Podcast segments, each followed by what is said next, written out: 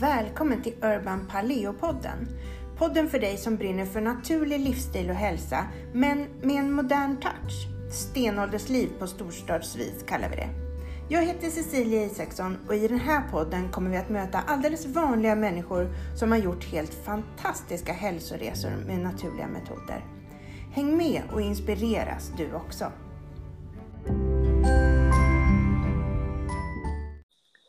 Hej och välkommen till Urban Paleo-podden. Idag har jag bjudit in Stina Garp. Stina hon är civilekonomen som blev utbränd och sedan skolade om sig och blev gynekolog. Välkommen Stina! Tack snälla, vad roligt. Hur mår du idag? Jag mår jättebra. Ja, vad bra. Ja. Men idag ska vi inte prata om det, utan idag så ska vi prata om hur faktiskt du har mått jättedåligt. ja. Och vi har ju gått en utbildning tillsammans, så att jag eh, känner ju till din historia eh, lite grann, men jag känner att det är så väldigt fascinerande. Kan inte du berätta lite om hur, hur det hela började? Mm. Eh, jag var ju utmattad under många år. Och jag tänker att det är ingenting som händer över en natt, utan det är ju någonting som man drar på sig under lång tid. Mm. Eh, Hur började du, hur märkte du att du var utmattad? Jag, har ju, ja, jag har ju varit utmattad i omgångar kan man säga. Mm. Eh, och eh, första gången jag insåg att jag var det så var jag i, eh, vad kan jag vara, 23, 24 år kanske. Ja. Och eh, mådde inte bra, hade väldigt mycket inre stress, eh, sov dåligt, var stressad på jobbet. Ingenting var roligt längre. Jag har alltid varit en väldigt social person som eh, har haft mycket kontaktytor och um, varit aktiv liksom. Mm. Men helt plötsligt så insåg jag att det är ingenting som är kul längre. Det var ganska mörkt. Ja. Och eh, jag kommer ihåg att jag tänkte till slut att ska det vara så här när man är typ 25 eller vad jag nu var? Mm. Eh, och eh, tänkte att jag, jag måste gå till någon typ psykolog och, och kolla, är det så här man ska må? Eller eh, hur, hur mår jag egentligen? ja. Är det normalt liksom? Ja. Ja, lite så. Jag kände att jag, det borde inte vara så här, men jag kunde ändå inte ta på riktigt vad som var fel. Men jag tänkte att jag, jag tar kontakt med någon så får vi se vad den säger. Mm. Så jag gick till en psykolog och eh, då får man ju göra ett sånt skattnings, eller jag fick göra det i alla fall, ett skattningstest Just det. där hon konstaterade att jag hade en medelsvår depression. Ja. Eh, och det hade jag ju såklart jobbat mig in i under lång tid. Mm. Inte bara, många kopplar ju alltid utmattning till jobb. Mm. Och jag hade ju knappt börjat jobba då. Så det var ju inte det i mitt fall, utan oftast är det ju många olika faktorer. Och så här i efterhand kan jag ju se liksom tillbaka på mitt liv. När man växer upp så tänker man ju att livet är som det är och så här har säkert de flesta det och kanske inte reflekterar så jättemycket över hur man har det och så där. Mm. Men eh, så här i efterhand kan jag se att mitt liv kanske inte, eller min uppväxt inte såg ut som alla andras uppväxt gjorde. Nej.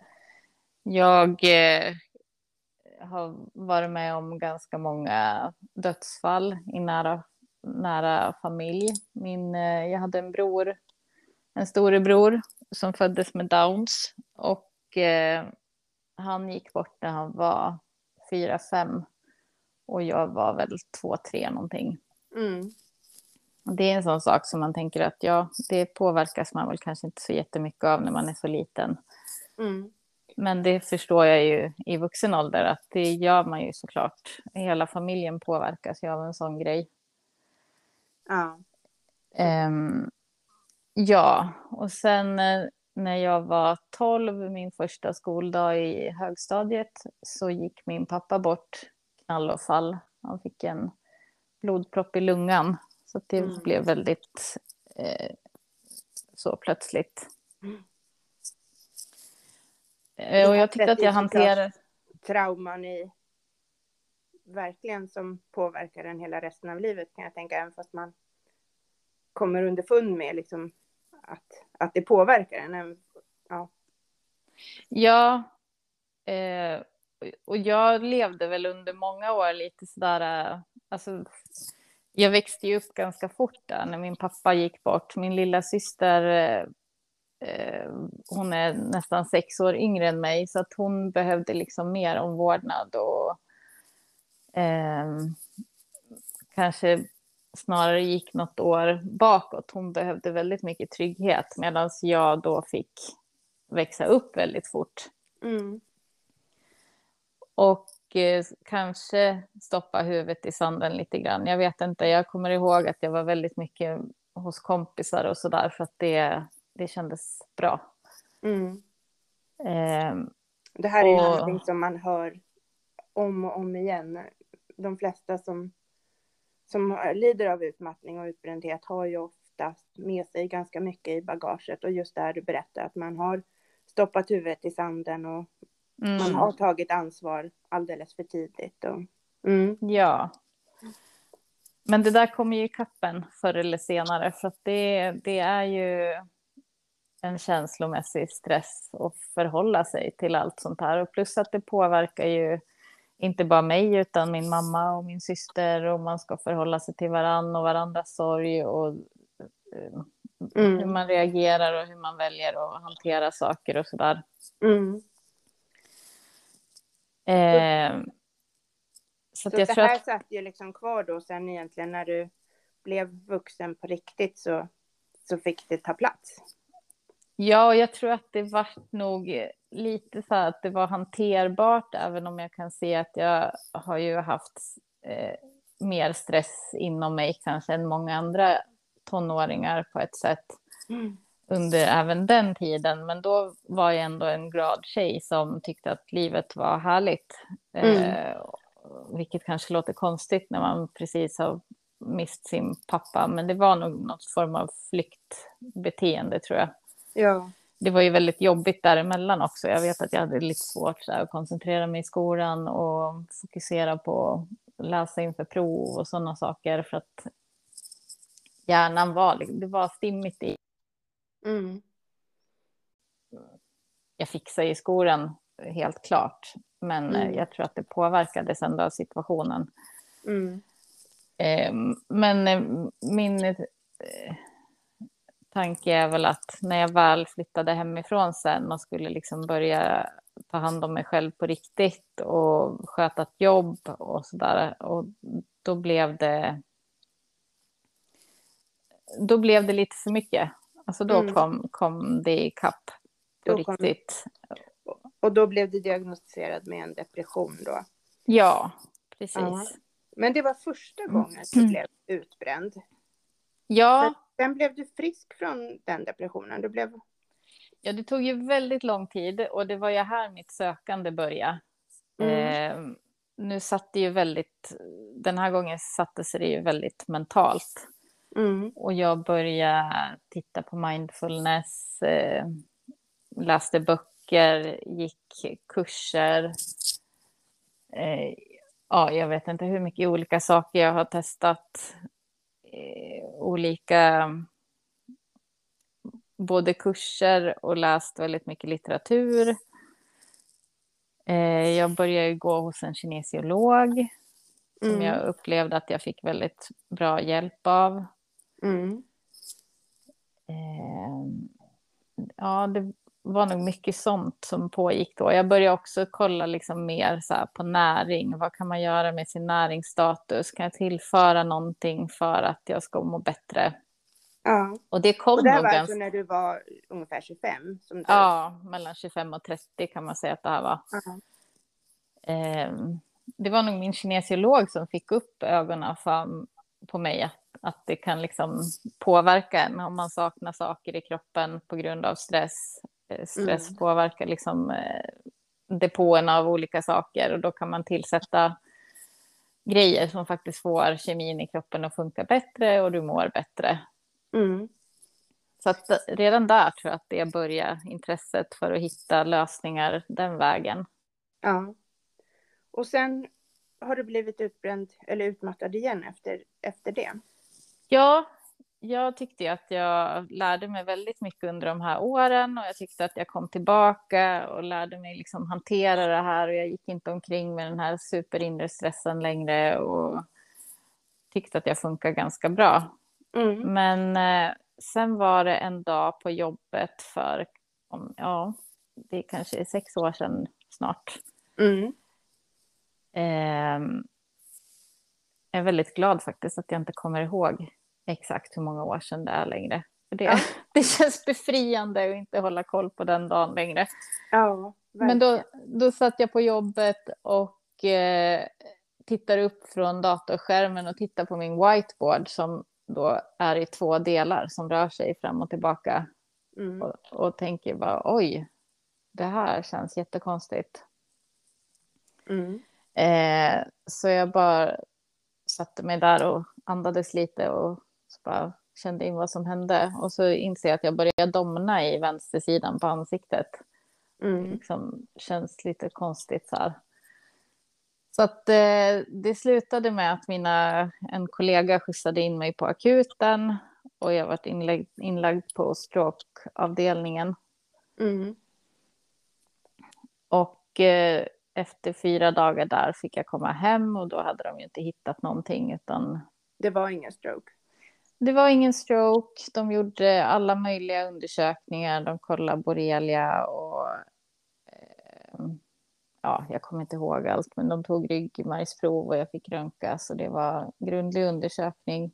Mm. Men ingenting hittades. Men det var ju först när jag kom hem, nu hade jag ju legat i en sjukhussäng i fyra dagar, men när jag kom hem hit och eh, eh, insåg liksom hur, hur jag mådde i förhållande till allt som behöver göras i ett hem och hämta barn på dagis och så, så insåg jag ju att jag hade ingen ork överhuvudtaget längre. Mm. Så då hade ju någonting hänt igen då som ehm, ja, det klassas ju som utmattning. Jag tyckte inte att jag hade eh, hög stressnivå innan det här, så att jag Mm. var ju förvånad att det hände, men nu satte det sig ju väldigt fysiskt istället då, så att det är extrem trötthet och jag sov ju i stort sett bara i två månader. Jag vaknade på morgonen, tog mig ner på nedervåningen, la mig i soffan, sov, åt frukost, sov. Och så höll jag på under ja, åtminstone två månader. Ja. Eh, och sen var jag ju helt sjukskriven i ett halvår. Men så här i efterhand kan jag väl känna att det, jag hade behövt vara sjukskriven längre. Det, Ja. Sen började liksom en, en ojämn kamp att komma tillbaka till livet igen. Med ja, men dels småbarn på hemmaplan och en man som jobbar ganska mycket i sitt eget företag. Och ja, hela vardagen, liksom bara ta sig iväg till jobbet var ju en stor grej. Ja. Så det, jag, jag jobbar 25 procent ett tag och så jobbar jag 50 och så var jag uppe på 75 och så gick jag tillbaka till 50 och så var jag uppe på 75 och så tog det ett tag så var jag helt sjukskriven igen. Det var som att nästan vara tillbaka på ruta noll. Och så, Mm. så um, till slut insåg jag att jag kommer aldrig att bli frisk om jag inte gör något drastiskt. Ja.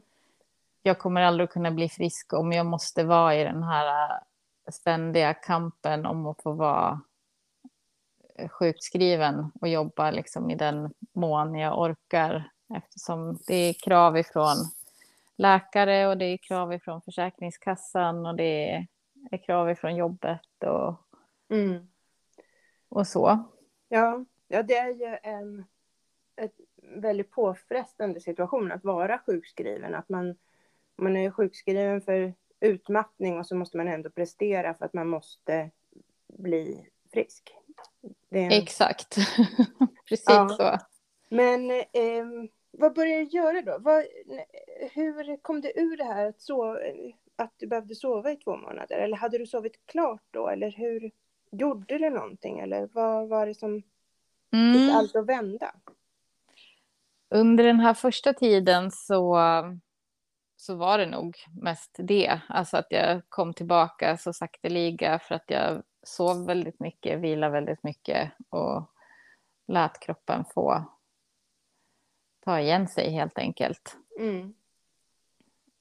Eh, Den hade ju helt lagt ner. Mm. Eh, Men sen eh, var jag faktiskt till min kinesiolog och, och på något konstigt sätt vid det mötet så var det så här att min, jag ska ju bli kinesiolog. Mm. Du fick Och det en kändes- uppenbarelse. Ja, Ja. Vad underbart. Ja. ja. Och jag menar, jag var ju ekonom eh, och hade jobbat på stora internationella bolag i 20 år. Så det, det kändes ju jättekonstigt. Och känslan är liksom så här att hur skulle jag kunna göra det? Eller som min mamma brukar säga, måste man inte ha gåvan då, Stina? Ja. Vilket hon då inte tycker att jag har. Ja, och det kan jag intyga och garantera att det har du verkligen. Är det något du har är det gåvan. Ja. Ja, eh, fick du för att du skulle bli kinesiolog. Ja, och det, jag hade ju inte så mycket kraft. Men jag fick nys om att det fanns en helgkurs i Stockholm som man kunde gå för att liksom testa på det här med grunderna i kinesiologi och muskeltestning och, och, och lite olika så, lära sig att laga en muskel och Mm. Och- Ja, så jag samlade ihop all kraft jag hade och åkte ner på den här helgen och kom därifrån och var helt hänförd. Det, var, Så, ja, ja vad sa du? det var rätt för dig. Ja, det kändes verkligen så. Mm. Eh, Det var så häftigt. Mm. Och eh, Och för dem, om det är någon som lyssnar här nu som inte riktigt vet vad kinesiologi är. Jag vet att många tror att det har med kinesisk medicin att göra, men det är det ju eh, inte, utan namnet är ju någonting annat. mm, Vill du ja, eh, lite snabbt det bara heter ju det egentligen kinesiologi, Mm. vilket står för läran om rörelse. Mm. Eh, och det har ju mycket med muskler att göra i grunden.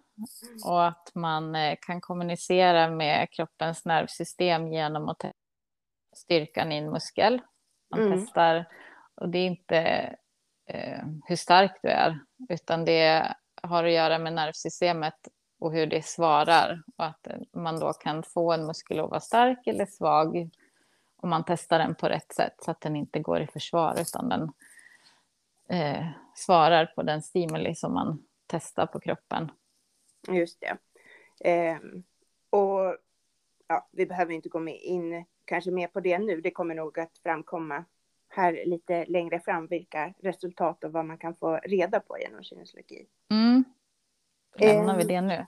ja, men jag tänker då utbildade du dig till eh, kinesiolog och eh, märkte du liksom då på din hälsa att det blev stora förändringar av, av Ja. kinesiologin? Vad var det du märkte? Alltså jag hade ju turen då att min eh, dåvarande arbetsgivare gav mig möjligheten att vara ledig eh, en gång i månaden för att göra den här utbildningen eh, samtidigt som jag försökte jobba. Mm. De var ju inte jättesäkra på att det var rätt väg att gå med tanke på att jag knappt orkade jobba. Men det var någon vettig människa som förstod att jag behövde göra någonting helt annat för att orka Mm. med resten. Mm. Och så här i efterhand kan jag ju se hela den grundutbildningen som eh, min egen läkning. Jag orkar ju inte nästan vara där. Jag gick ju ofta och la mig så fort vi fick en paus och, och verkligen så mm. överlevde vissa kurser. Eh, så att jag hade ju inte så mycket kraft att kanske ta till mig allting och öva mellan kurstillfällena och så där. Mm. Men jag själv börjar ju må väldigt mycket bättre så att jag tänker att det vi gjorde på de här kurstillfällena på varandra med övningar och sånt mm. eh, blev ju en del av min läkning. Mm. Och jag fick med mig en väldigt fin grund därifrån. Om hur man ska ta hand om, om sig själv? Ja, och även att bygga vidare på. För eh, innan jag var klar med den här grundutbildningen så eh, hade jag blivit varslad på mitt jobb. Eh, och ehm, eh, blev uppsagd två månader tror jag innan kursen var klar. Mm. Och det kan ju låta superläskigt, men det var precis vad jag behövde. Mm. Och det var väl en dialog som jag hade börjat ta med mitt, min arbetsgivare också, att jag jag skulle behöva eh, bara vara ett tag. Mm. Mm. Så jag blev arbetslös och hade då nästan en färdig kinesiologiutbildning som jag inte riktigt visste vad jag skulle göra med. Och visste ju inte heller, just då kändes det ju som att om jag kan jobba kanske 30 procent i resten av mitt liv så får jag nog vara nöjd med det. För ja. att den energinivån hade jag då och, och, visste ju inte hur jag skulle ta mig ur det överhuvudtaget. Mm.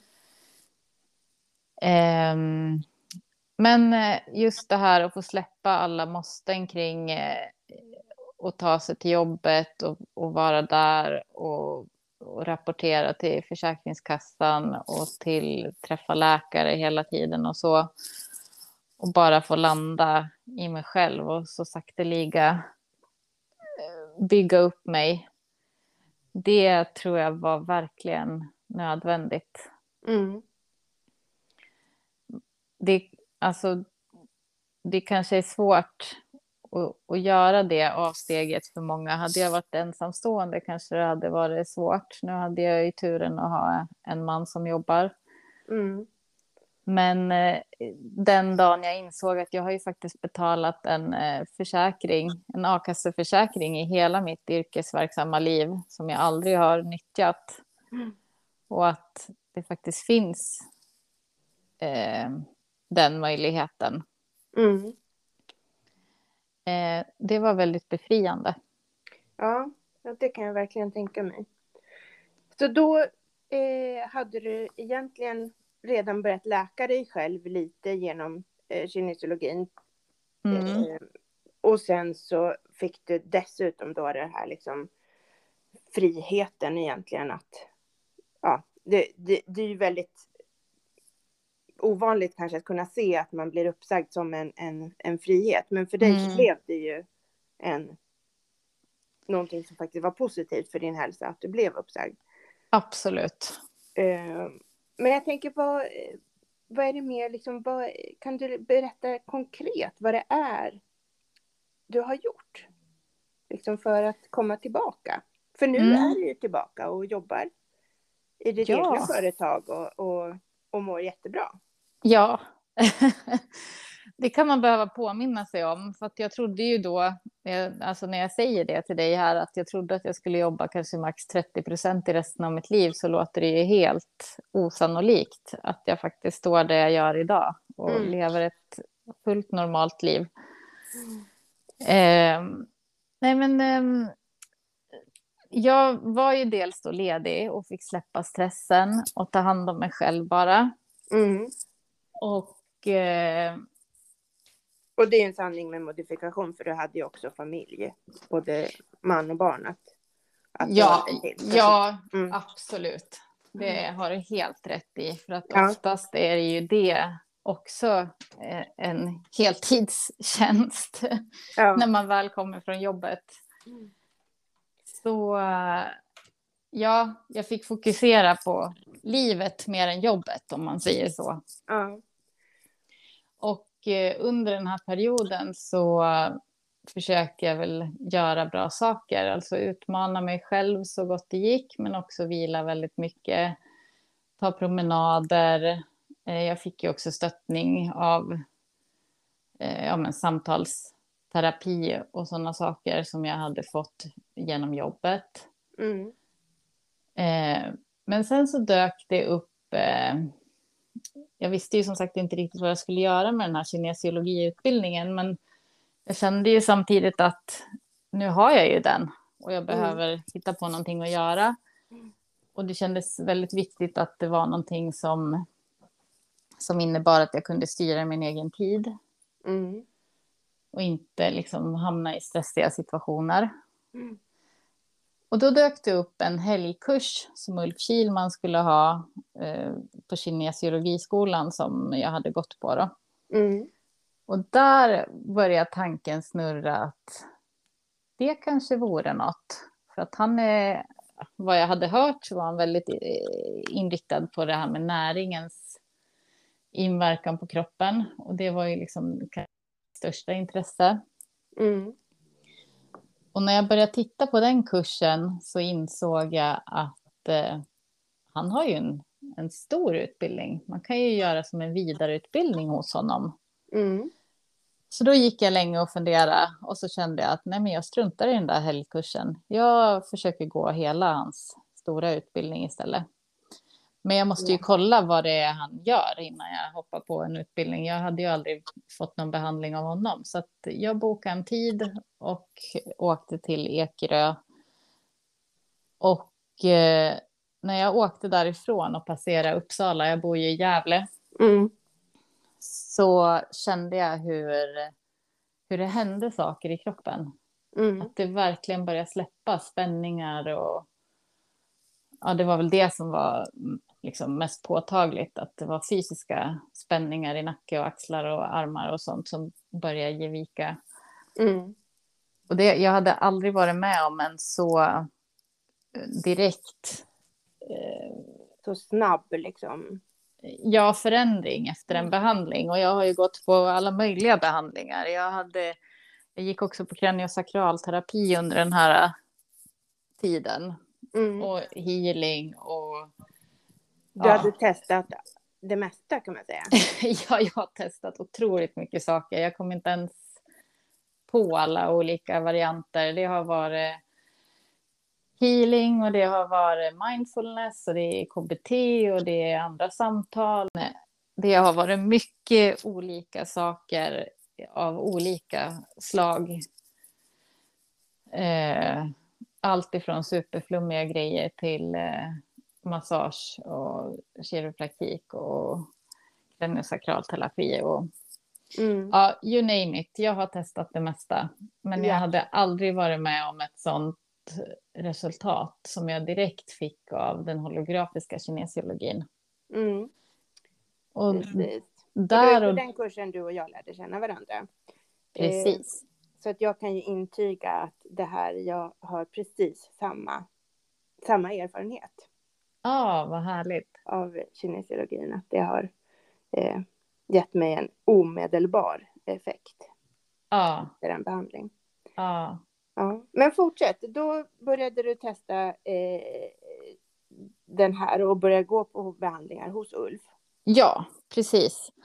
Och med tanke på resultatet jag fick så var det ju liksom ingen tvekan om att den här utbildningen måste jag gå.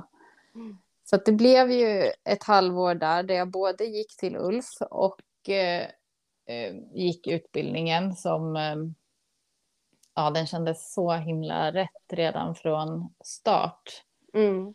Eh, men där har vi också såklart behandlat varann eh, på olika sätt under de här månaderna. Så det var ju ganska intensivt behandlande. Ja. Men eh, det har ju varit, nu är det ju drygt tre år sedan jag startade min verksamhet. Det var ju typ dagen efter att jag hade gått klart utbildningen. Mm. Och det har ju varit en resa hela vägen. Men när jag väl hittar den holografiska kinesiologin så har jag faktiskt slutat sökt efter andra metoder. För att ja. eh, det är verkligen det och såklart hela livsstilsförändringen med hur jag nu liksom känner en frihet kring att jag kan styra mitt liv själv. Mm. Eh, att jag lägger upp dagarna som jag själv vill ha dem. Och, och ja, alla förändringar jag har gjort, det är ju såklart väldigt mycket praktiska förändringar. Men det är också väldigt mycket mentalt. Alltså hur man förhåller sig till saker och hur man tänker på saker och vilket mindset man har. Och... Mm. Och där kan ju också den holografiska kinesiologin eh, hjälpa till. Och jag tänker särskilt med tuningen som ju du också har. Ja. Eh, där man faktiskt går in väldigt mycket på just den mentala biten. Ja. Men jag tänker annars med, med eh, det här att du känner den här omedelbara förändringen.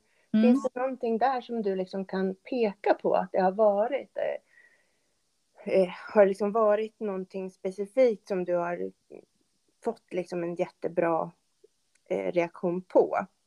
Eh, om det har varit någon särskild kur eller någonting mm. har du rensat ur eller lagt till fått någon näringsbalans eller? Men jag tänker, alltså många tänker ju kring utmattning, eh, ja, kanske på båda sätten som jag har då haft, både mentalt och fysiskt, att det alltid bara har med stress att göra. Och, alltså känslomässig stress efter saker man upplevt i livet eller direkt stress så, av jobbsituation eller vad det nu kan vara. Mm.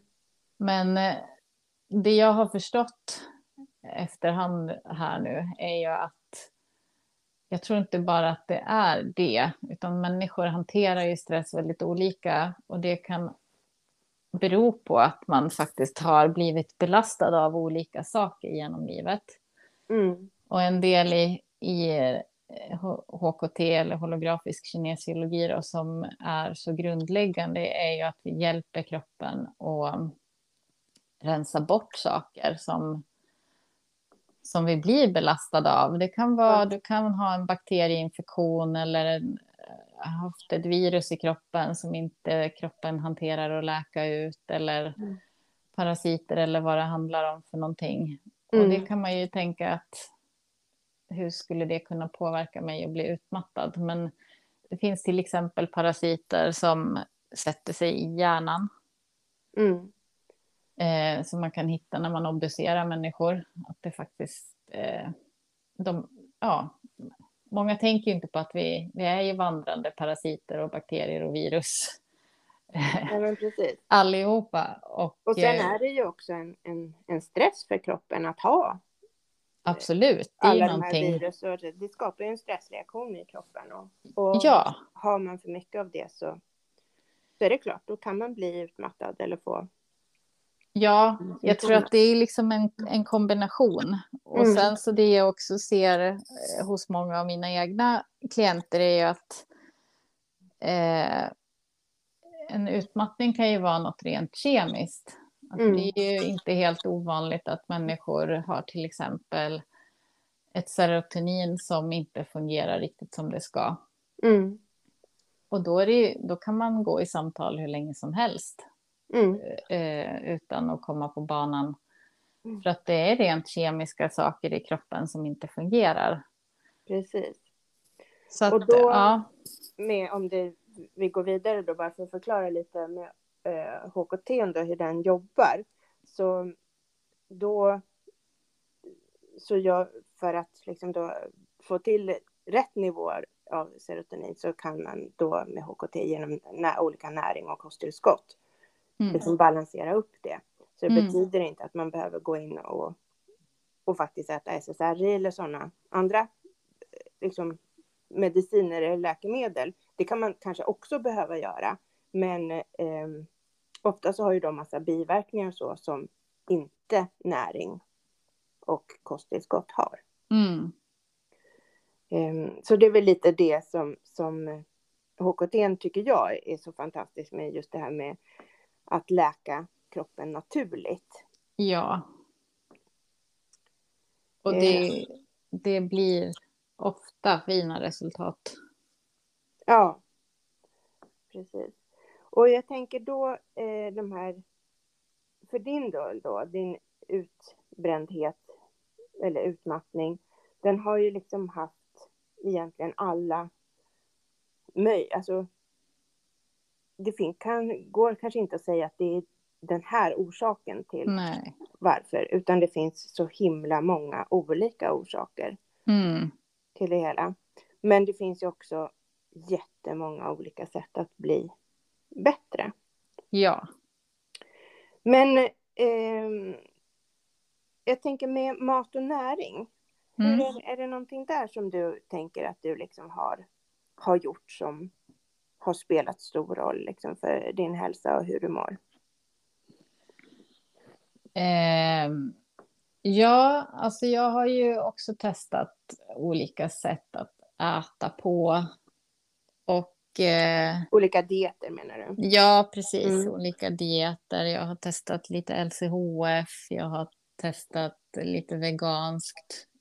Eh, men just nu så äh, försöker jag äta varierat. Men jag har va- valt bort vete helt. Så Mm. att jag, vilket innebär ju då att man i stort sett äter glutenfritt. Mm. För vete är någonting som jag ser verkligen stör jättemånga människor. Mm. Eh, det stör magen och när magen inte fungerar då är det mycket annat i kroppen som lider av det. Mm. Eh, så det är en grundpelare i kosten just nu. Mm. Och sen har jag eh, dragit ner jättemycket på mjölk. Mm.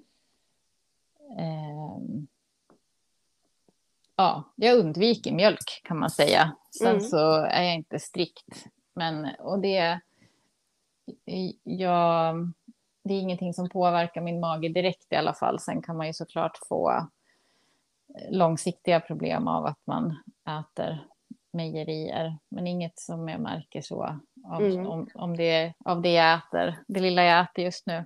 Mm. Så inget vete och väldigt lite mejerier. Ja, och sen, och sen så så... varierat som möjligt. Ja, ganska varierad kost. Mm. Eh, Äter i och för sig väldigt lite rött kött Mm. och fläskkött. Mm. Äter jag i stort sett ingenting. Mm. Eh, och sen eh, socker har jag aldrig tyckt varit någonting att ha. Jag eh, kommer ihåg när jag var liten så fick jag liksom tvinga i mig lite kakor hos mormor när hon bjöd på fika för att jag varit mer eller mindre illamående av att äta det där sockret. Mm. Så att ehm, socker har aldrig varit något problem kan man säga. Och idag så, ja, jag äter i stort sett aldrig fikabröd och, och väldigt lite godis och sådana saker också. Mm. Men det är ingen uppoffring utan det, är- det, är bara, Det är bara som det det bara blir så. Ja. Du behöver inte anstränga dig. Nej. Mm. Ja, så med maten så har du gjort en del eh, förändringar ändå Ja. som är. Jo, men det, är- alltså det är ju, om man går tillbaka till hur jag åt för tio år sedan så är det en enorm skillnad. Och just Mm. att jag gör väldigt mycket medvetna val. Och Mm. eh, varje dag när jag ska äta så tänker jag ju liksom att det ska vara någonting som är näringstätt och som kroppen inte reagerar dåligt på. Och Mm. det fina när man börjar kunna testa saker på kroppen är ju också att man kan eh, se hur kroppen reagerar på olika saker. Precis. Och att då kan man ju välja bort saker. Alltså som i sommar har jag kommit på att min kropp tycker inte alls om kolsyra. Nej. Och då är det ju bara att ta bort det helt enkelt. Och det här kan man ju då testa väldigt klart och tydligt. Alltså man får väldigt tydliga svar. Man, det är inte Ja. att både känns lite så här, utan man vet. Och du Nej. har ju också en, en kurs eh, som, där du lär ut, en helgkurs där du lär ut eh, hur man testar Ja. på sig själv. Ja. Eh, och jag vet att du har en kurs nu som är fullbokad eh, Mm. ganska snart. Men eh, kommer du ha någon fler kurser sen senare i höst eller nästa vår eller hur ser det ut? Absolut. Det, det beror lite på intresse. Mm. Eh, skulle det finnas intresse för en till kurs på den här sidan året så har jag absolut det. Det är bland det roligaste som finns. Mm. Och annars blir det till eh, våren en ny kurs.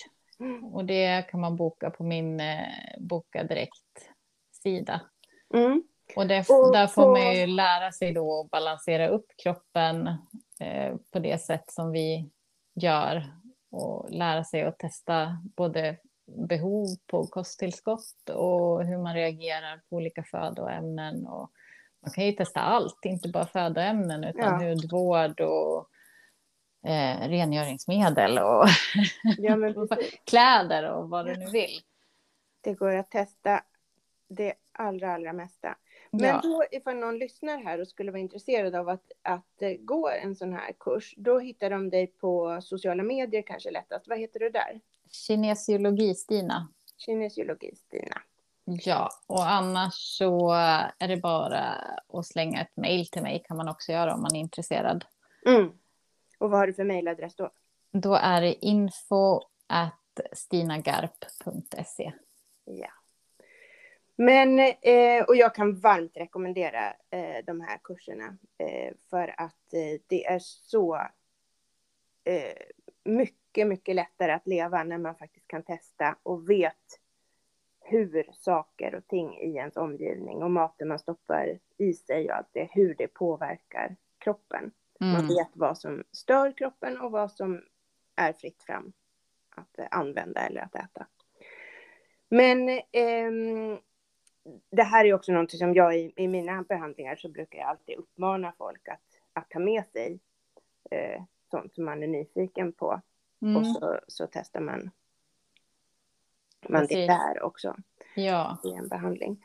Men ehm, jag tänker om du fick välja bara liksom en sak som liksom har gjort störst skillnad för din hälsa, vilken skulle det vara då? Och det har du ju nästan redan sagt.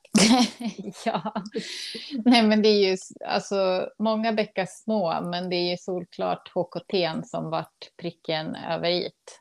Mm. Såklart tillsammans med alla de här förändringarna jag har gjort i övrigt i livet för att undvika stress och, och så. Men eh, Mm. utan HKT hade jag aldrig varit där jag är idag.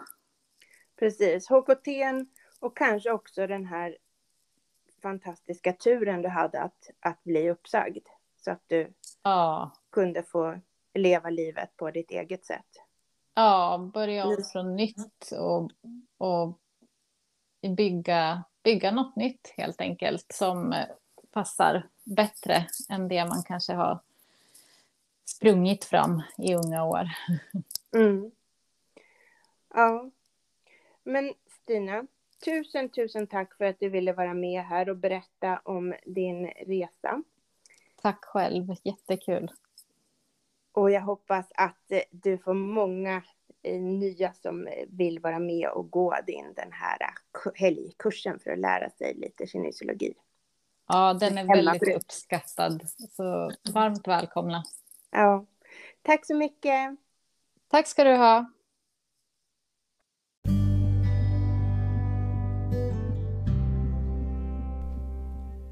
Du har lyssnat på Urban Paleo-podden Stenåldersliv på storstadsvis. Jag är så glad att du är här och har lyssnat och jag hoppas att du gillade podden och vill hjälpa mig att sprida den vidare. Du kan göra på flera olika sätt så att flera får upp ögonen för min podd. Till exempel så kan du lämna en review eller du kan ratea den och ge den fem stjärnor om du tycker att den var värd det. Eller du kan ta en skärmdump på det här avsnittet och dela på dina sociala medier. Tagga gärna mig då. Det heter Urban Paleo C på Instagram och Urban Paleo Center på Facebook. Men än en gång, tack för att du lyssnar och tack för att du hjälper mig att sprida Urban Paleo-podden vidare.